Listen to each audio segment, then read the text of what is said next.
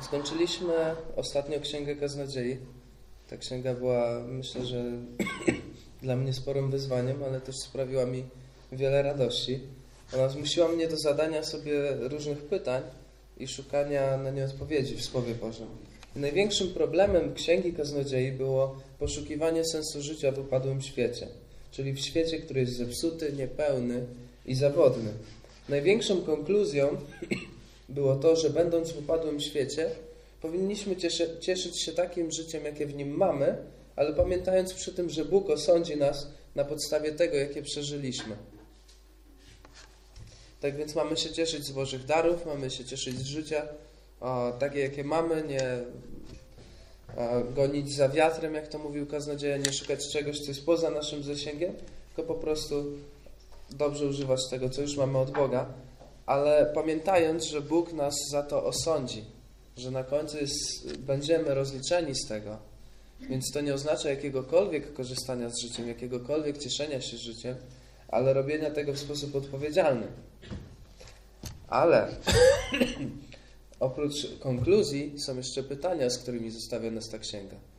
Rzeczy, które, na które może nie odpowiada wprost, ale na które każe nam szukać odpowiedzi.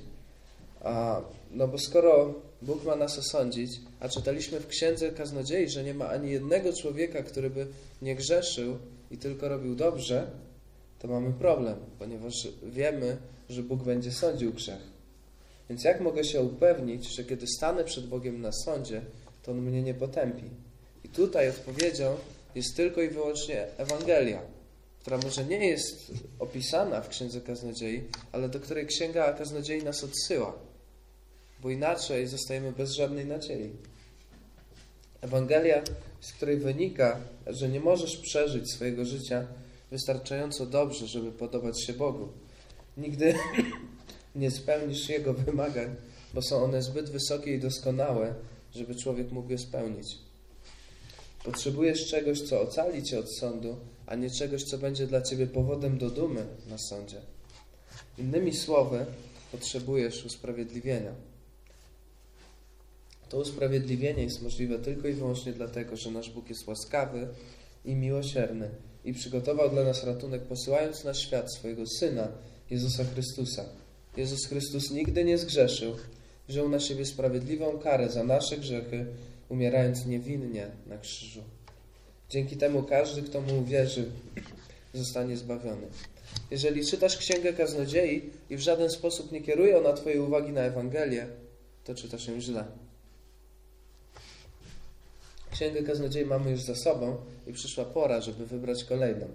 I skoro tak bardzo popchnęła nas ona w kierunku Ewangelii, postanowiłem, przepraszam, postanowiłem wybrać list, który pomoże nam lepiej zrozumieć tę Ewangelię i tym bardziej się jej uchwycić. I w tej kwestii już od jakiegoś czasu leżał mi na sercu list do Galacjan. W Polsce wciąż dominuje takie uczynkowe spojrzenie na życie z Bogiem. To znaczy, że jeśli chcę być zbawiony, to muszę sobie zasłużyć na uznanie Boga moim pobożnym życiem. A jeżeli nie pobożnym, to przynajmniej takie, które nie jest gorsze od życia pozostałych ludzi, z którymi zacznę się porównywać. W ostateczności muszę mieć przynajmniej odrobinę mniej na sumieniu niż Hitler. Bo zawsze znajdzie się ktoś gorszy ode mnie, na kogo mogę pokazać palcem i powiedzieć, no nie jestem przynajmniej taki jak on, więc chyba Bóg mnie przyjmie do siebie. Jak wysoko nie postawimy sobie tej poprzeczki, czy będziemy do niej dosięgać bez większych trudności, czy może jednak będziemy musieli zostać ascetami i pustelnikami, to wciąż jest uczynkowy sposób myślenia. Żyję w sposób, który zjednuje mi Bożą przychylność i pozwala z nadzieją oczekiwać życia po śmierci. Ewentualnie tracę nadzieję, bo, bo widzę, że powinienem starać się bardziej niż obecnie. Uczynkowy, niewłaściwy, niebiblijny sposób myślenia. Takie myślenie jest zaprzeczeniem Ewangelii, a list do Galacjan jest jednym z listów, który najmocniej się z nim rozprawia, popychając nas w ten sposób do lepszego zrozumienia Ewangelii i położenia nadziei w niej, a nie w naszych uczynkach. I właśnie dlatego zamierzam głosić z tego listu. Przy okazji wspomnę, a, że był to ulubiony list Marcina Lutra, jeden z takich, który wywarł na nim olbrzymie wrażenie, i pchnął go w kierunku reformacji. A, Luther powiedział kiedyś o nim przy obiedzie: List do Galacjan jest moim ukochanym listem. Poślubiłem go, jest moją Katarzyną von Bora. E, kim była Katarzyna von Bora? Była oczywiście żoną Marcina Lutra. Więc powiedział tak o liście do Galacjan przy obiedzie. Więc dwie części dzisiejszego kazania. Pierwsza to takie informacje wstępne do listu do Galacjan. Więc zanim przejdziemy dalej do tekstu, który na dzisiaj przygotowałem, to chciałbym poświęcić trochę czasu na przedstawienie takich ważnych, moim zdaniem, informacji, które będą pomocne w studiowaniu tego listu. Przyjmuje się, jakby może zaczynając od datowania i umiejscowienia, przyjmuje się, że jest to jeden z najstarszych listów Nowego Testamentu. Jest datowany nawet na 48 rok naszej ery, takie najwcześniejsze datowanie. Wcześniej datuje się już tylko list do Jakuba. Y, nie do Jakuba, tylko od Jakuba. Co oznacza te, ten 48 rok, że mógł powstać niecałe 20 lat po ukrzyżowaniu Chrystusa. Bardzo krótko. Późniejsze datowania mówią o roku 57, więc to jest przedział ledwo 9 lat. A dla porównania, ostatnia księga Biblii powstała około roku 96. To już jest duży przedział czasu. Lata 48-57, gdzie możemy gdzieś tam umiejscowić ten list, oznaczają dla nas kilka rzeczy. Po pierwsze, wciąż mogło żyć wiele osób, które były w stanie zweryfikować fakty, na które powołuje się Paweł. Dalej to, że Kościół był jeszcze bardzo młody i dopiero rozprzestrzeniał się wewnątrz Cesarstwa Rzymskiego. Poganie zaczęli się nawracać stosunkowo niedawno i w związku z czym byli młodzi w wierze i podatni na wpływy z zewnątrz. Mogli jeszcze nie do końca rozróżniać prawdziwych i fałszywych nauczycieli. Doktryna Kościoła była jeszcze nie, nie, taka nieugruntowana. Chrześcijanie wiedzieli, kim był Jezus i czego dokonał, ale nie mieli jeszcze zbyt wielu listów i spisanych Ewangelii, a na których podstawie mogliby budować właściwe zrozumienie nauki Chrystusa.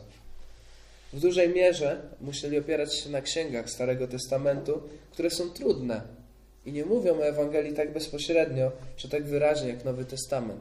One miały ją jedynie zapowiadać. Jeśli chodzi o datowanie tego listu, to jest ono w dużej mierze zależne od tego, jakie kościoły uznaje się za adresatów tego listu.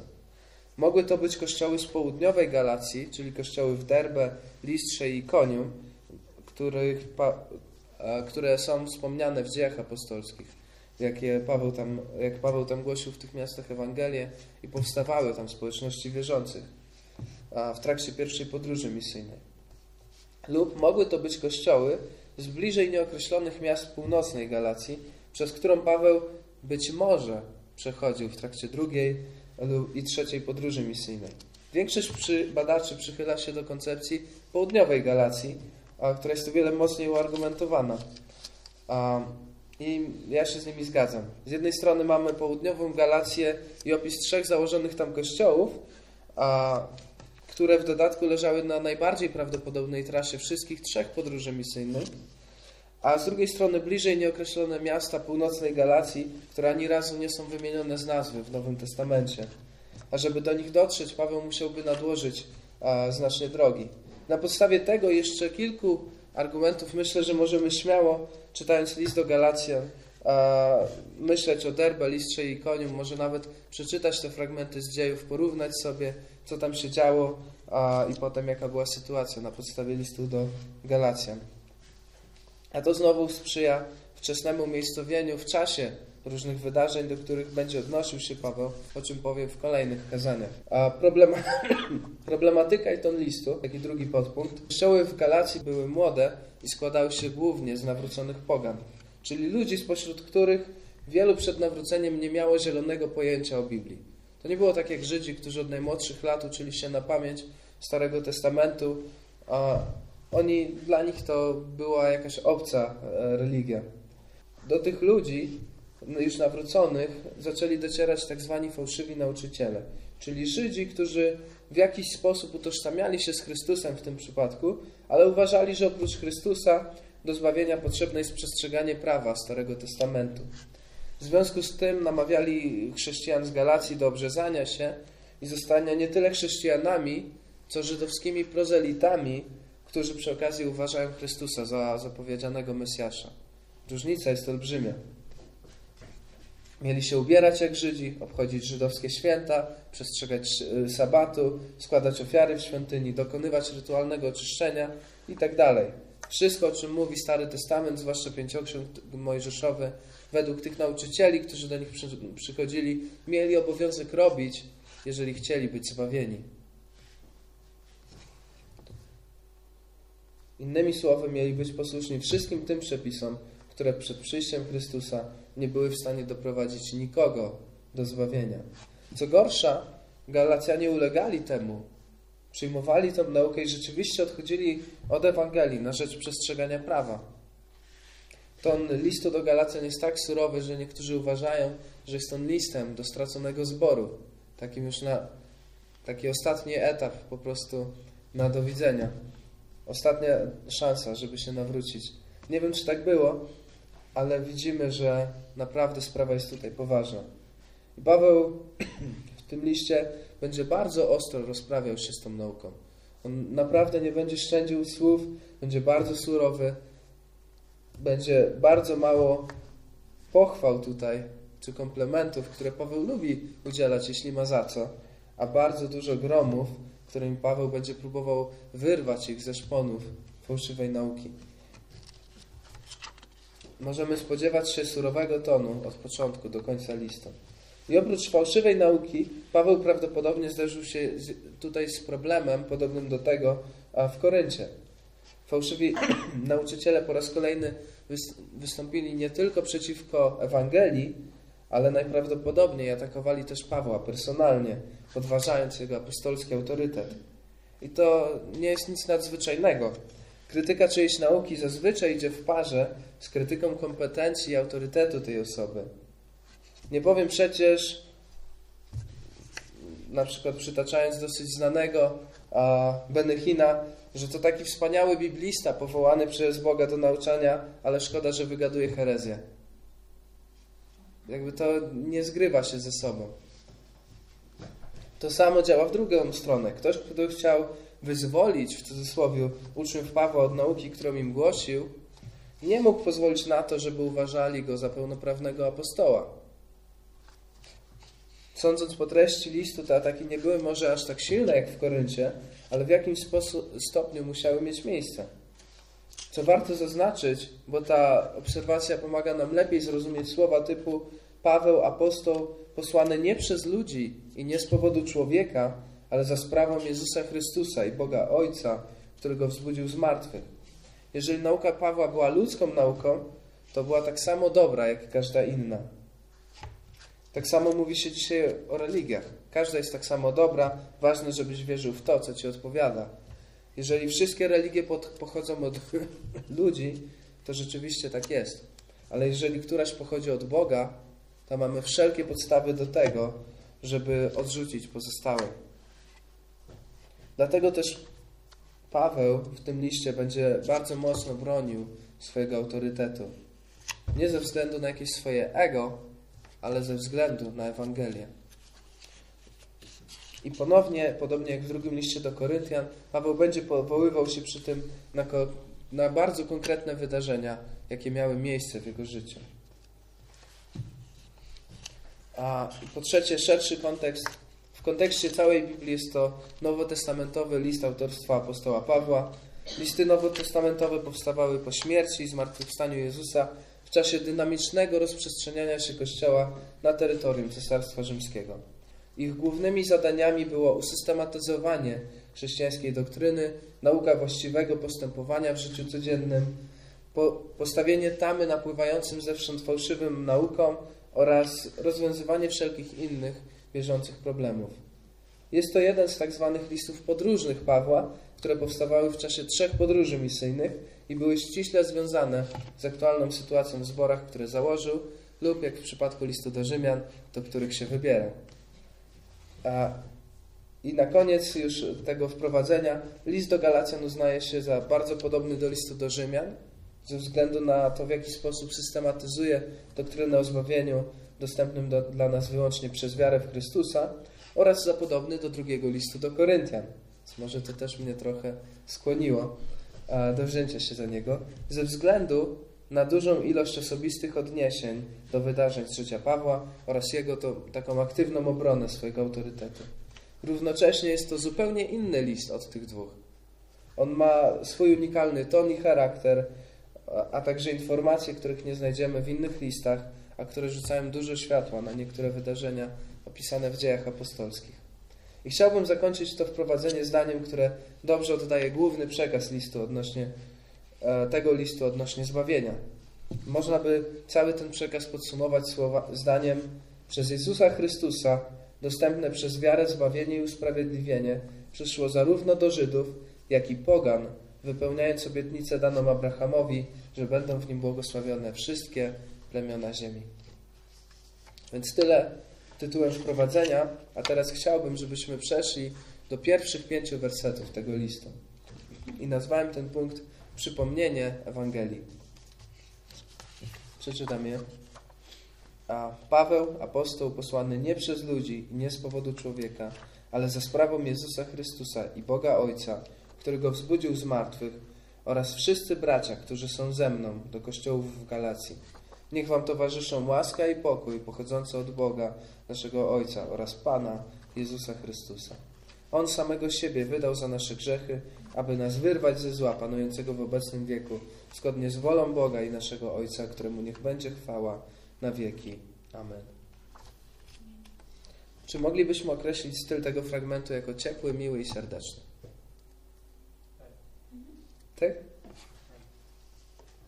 Mi się wydaje, że on jest bardziej konkretny i doktrynalny niż taki właśnie Paweł do moich ukochanych, pozdrawiam Was czule.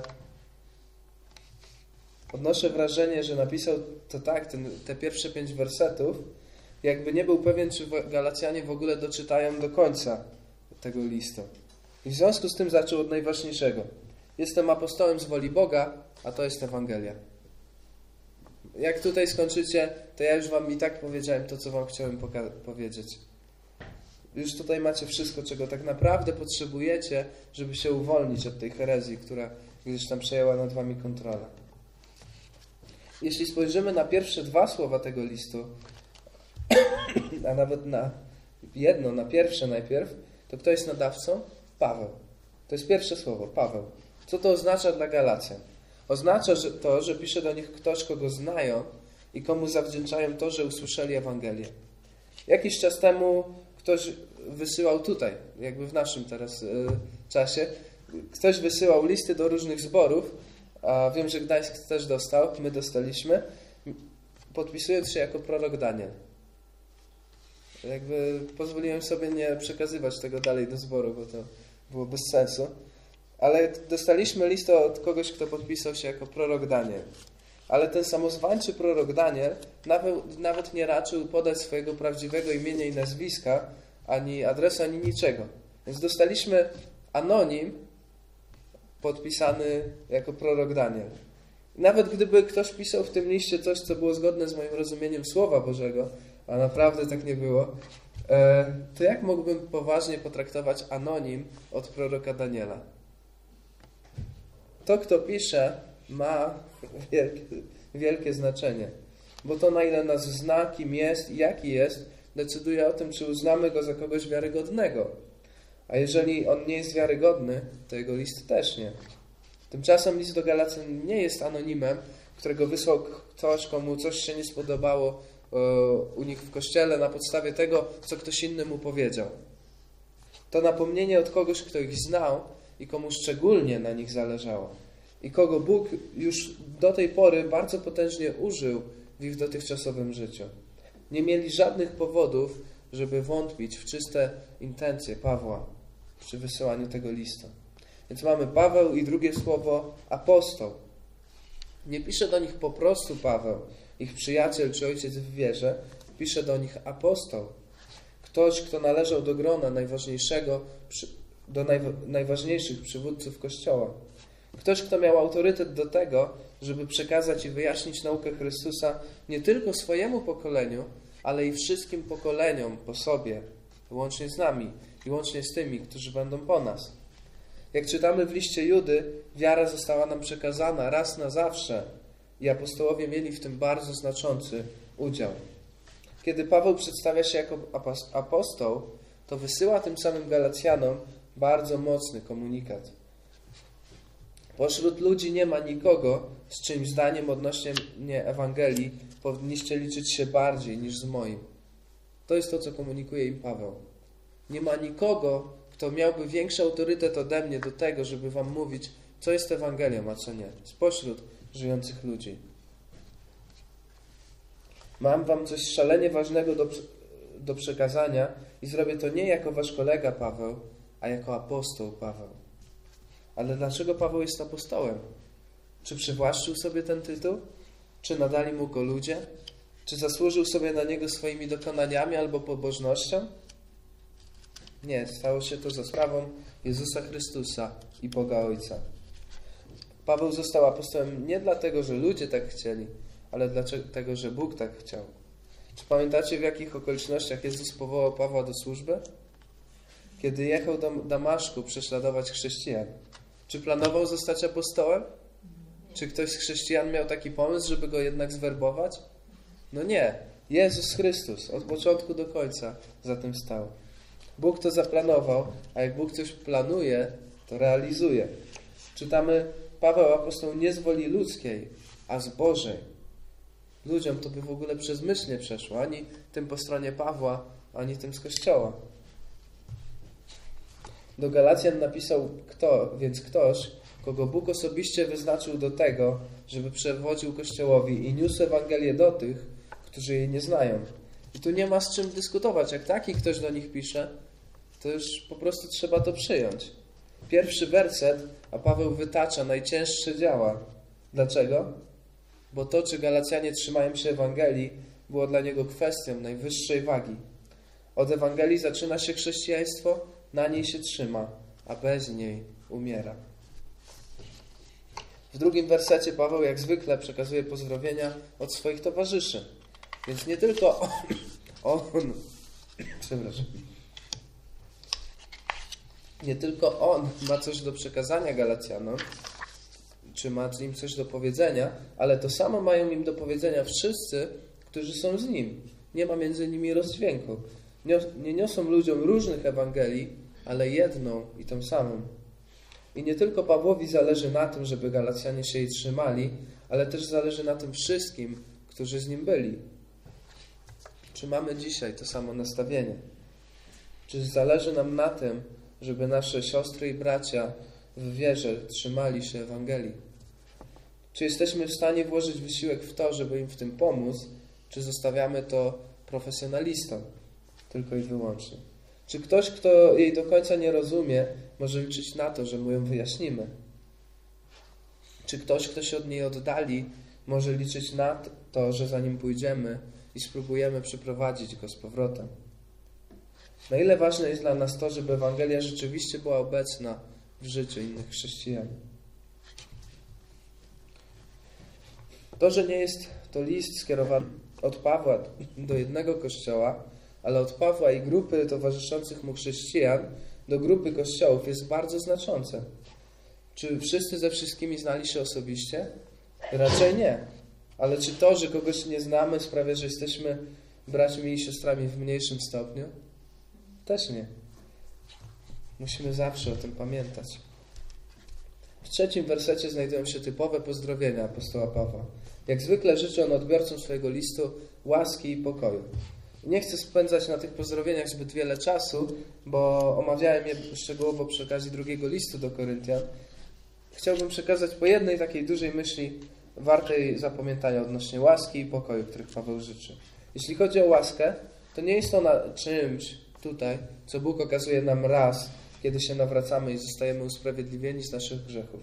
To nie jest jednorazowa rzecz, która gdzieś tam się kiedyś wydarzyła. To jest coś, co ma nam towarzyszyć. Jest ona ciągłą Bożą przychylnością, dzięki której możemy liczyć na Jego wsparcie i błogosławieństwo we wszystkim, co robimy i we wszystkim, czego doświadczamy. Każdy nasz oddech, każdy dzień naszego życia, wszelki duchowy wzrost i w ogóle wszystko dobre, o czym możemy sobie pomyśleć, jest objawem Bożej łaski wobec nas. To dzięki niej możemy w jakikolwiek sposób być użyteczni w Bożym Królestwie. Nie bez przyczyny apostoł Paweł, pisząc o tym, że pracował nad głoszeniem Ewangelii ciężej niż pozostali, dodaje, ale tak naprawdę to nie byłem ja, tylko towarzysząca mi Boża łaska. Takiej łaski potrzebujemy każdego dnia naszego życia i o taką łaskę powinniśmy zabiegać. Jedna myśl o pokoju. W kulturze hebrajskiej, z której wywodził się Paweł, było to życzenie takiego ogólnego dobrobytu i stanu wolności od wszelkich problemów. Jednak to, w jaki sposób o pokoju mówi Nowy Testament, zdaje się wskazywać na coś więcej niż tylko kwestie materialne. Cytując list do Filipian 4:7, jest to pokój Boży, który strzeże w Chrystusie naszych serc i myśli. Określiłbym to jako dany od Boga spokój ducha, który pomaga nam zachować właściwą perspektywę na rzeczy doczesne i wieczne. Tak więc, gdzie możemy znaleźć taką łaskę i pokój, o której pisze Paweł? Tylko i wyłącznie u Boga. One nie są produktem naszych starań, ani wymysłem naszej podświadomości. One są darem Boga dla Jego ludu. Jak można otrzymać ten dar? Tylko i wyłącznie przez Chrystusa. Tylko i wyłącznie dzięki Ewangelii. Od czwartego wersetu czytamy o Chrystusie, że wydał samego siebie za nasze grzechy. I w tym tkwi sedno Ewangelii. Nie, byli, nie byliśmy w stanie wypełnić Bożego prawa, nie mogliśmy przestać grzeszyć. We wszystkim w ten czy inny sposób obrażaliśmy Boga i jako tacy nie mieliśmy żadnych szans na to, żeby zasłużyć sobie na zbawienie oraz na wszystko, co z niego wynika. Mogliśmy zapomnieć o łasce i pokoju. A jednak Jezus zdecydował się nas uratować. Nie musiał tego robić, a jednak to zrobił. Czysty, pozbawiony najmniejszej skazy, nieznający grzechu, Syn Boży oddał życie za nasze grzechy. Czy dociera do nas ta informacja? Ktoś niewinny umarł z mojego powodu. Zrobił to świadomie i dobrowolnie, żeby wyrwać mnie ze zła, które nade mną panowało. Jezus sam powiedział, że nie ma większej miłości niż ta, kiedy ktoś oddaje swoje życie za drugą osobę. A potem dokładnie to zrobił. Wiedział, w jak okropnej kondycji jest ludzkość i zrobił coś zupełnie niespodziewanego. Zapłacił cenę za nasze wyzwolenie. On samego siebie wydał za nasze grzechy i dzięki temu każdy, kto zaufa Mu i Jego ofierze, a nie religijnym obrzędom czy wystarczająco dobremu życiu, zostanie zbawiony. Zbawiony nie oznacza tylko tego, że po śmierci Bóg przyjmie go do nieba, ale oznacza to też wyzwolenie ze zła panującego tu i teraz. Wciąż możemy doświadczać zła, ale na, nasze wnętrze nie jest już przez nie zniewolone. Mieszka w nas Duch Święty, który autentycznie przemienia nasz sposób myślenia i przysposabia do bycia częścią Bożej rodziny. Jeżeli jeszcze tego nie doświadczyłeś, to już najwyższy czas zaufać Chrystusowi i przyjąć zbawienie, które wykupił dla nas na krzyżu. Warto przy tym zauważyć, że działo się to zgodnie z wolą Boga Ojca. To znaczy, że od początku był to Boży plan, żeby Jezus przyszedł, umarł i zmartwychwstał. I Jezus wypełnił go świadomie, a nie przez przypadek. Jak czytamy w liście do Hebrajczyków 10, 5 do 7, dlatego w związku z przyjściem na świat Chrystus mówi: Nie chciałeś ofiary ani daru, lecz przygotowałeś mi ciało. Nie znalazłeś przyjemności w całopaleniach ani ofiarach za grzech. Dlatego powiedziałem: Oto przychodzę. W zwoju księgi napisano o mnie, aby spełnić, o Boże, Twoją wolę. Mówi to Jezus jeszcze przed przyjściem na świat. Jezus od początku wiedział, w jakim celu stał się człowiekiem, a mimo to zgodził się na to. Zgodził się, ponieważ kochał Ojca i chciał wypełnić Jego wolę i ponieważ pokochał tych, których chciał ocalić.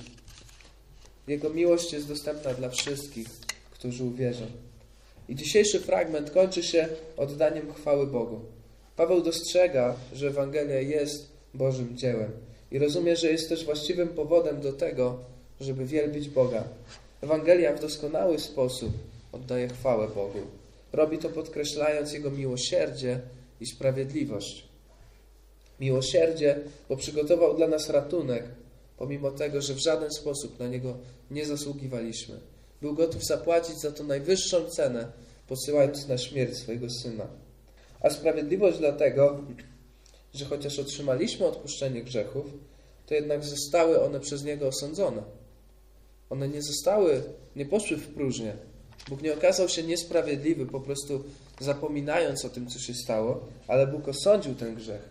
To właśnie za ten grzech musiał umrzeć Chrystus na krzyżu. I Bóg nie wstrzymał swojego sądu nad nim. Więc pokazał swoje miłosierdzie i sprawiedliwość. I jest to powodem do tego, żeby Go wielbić. Podsumowując to wszystko, jesteśmy w liście do Galacjan.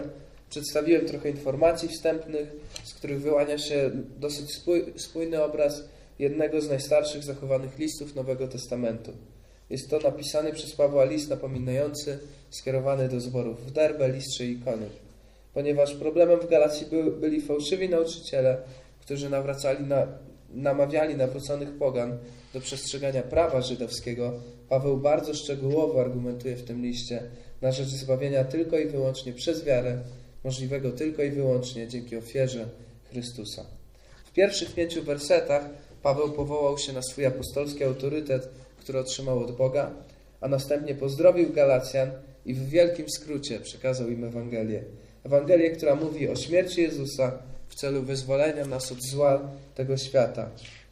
I Ewangelię, która była zgodna z wolą Boga i która oddaje Mu chwałę, podkreślając Jego miłosierdzie i sprawiedliwość. Obok takiej Ewangelii nie wolno przejść obojętnie. Wybierz ją, a będziesz żyć, odrzuć ją, a stracisz wszystko, co wydaje ci się, że masz.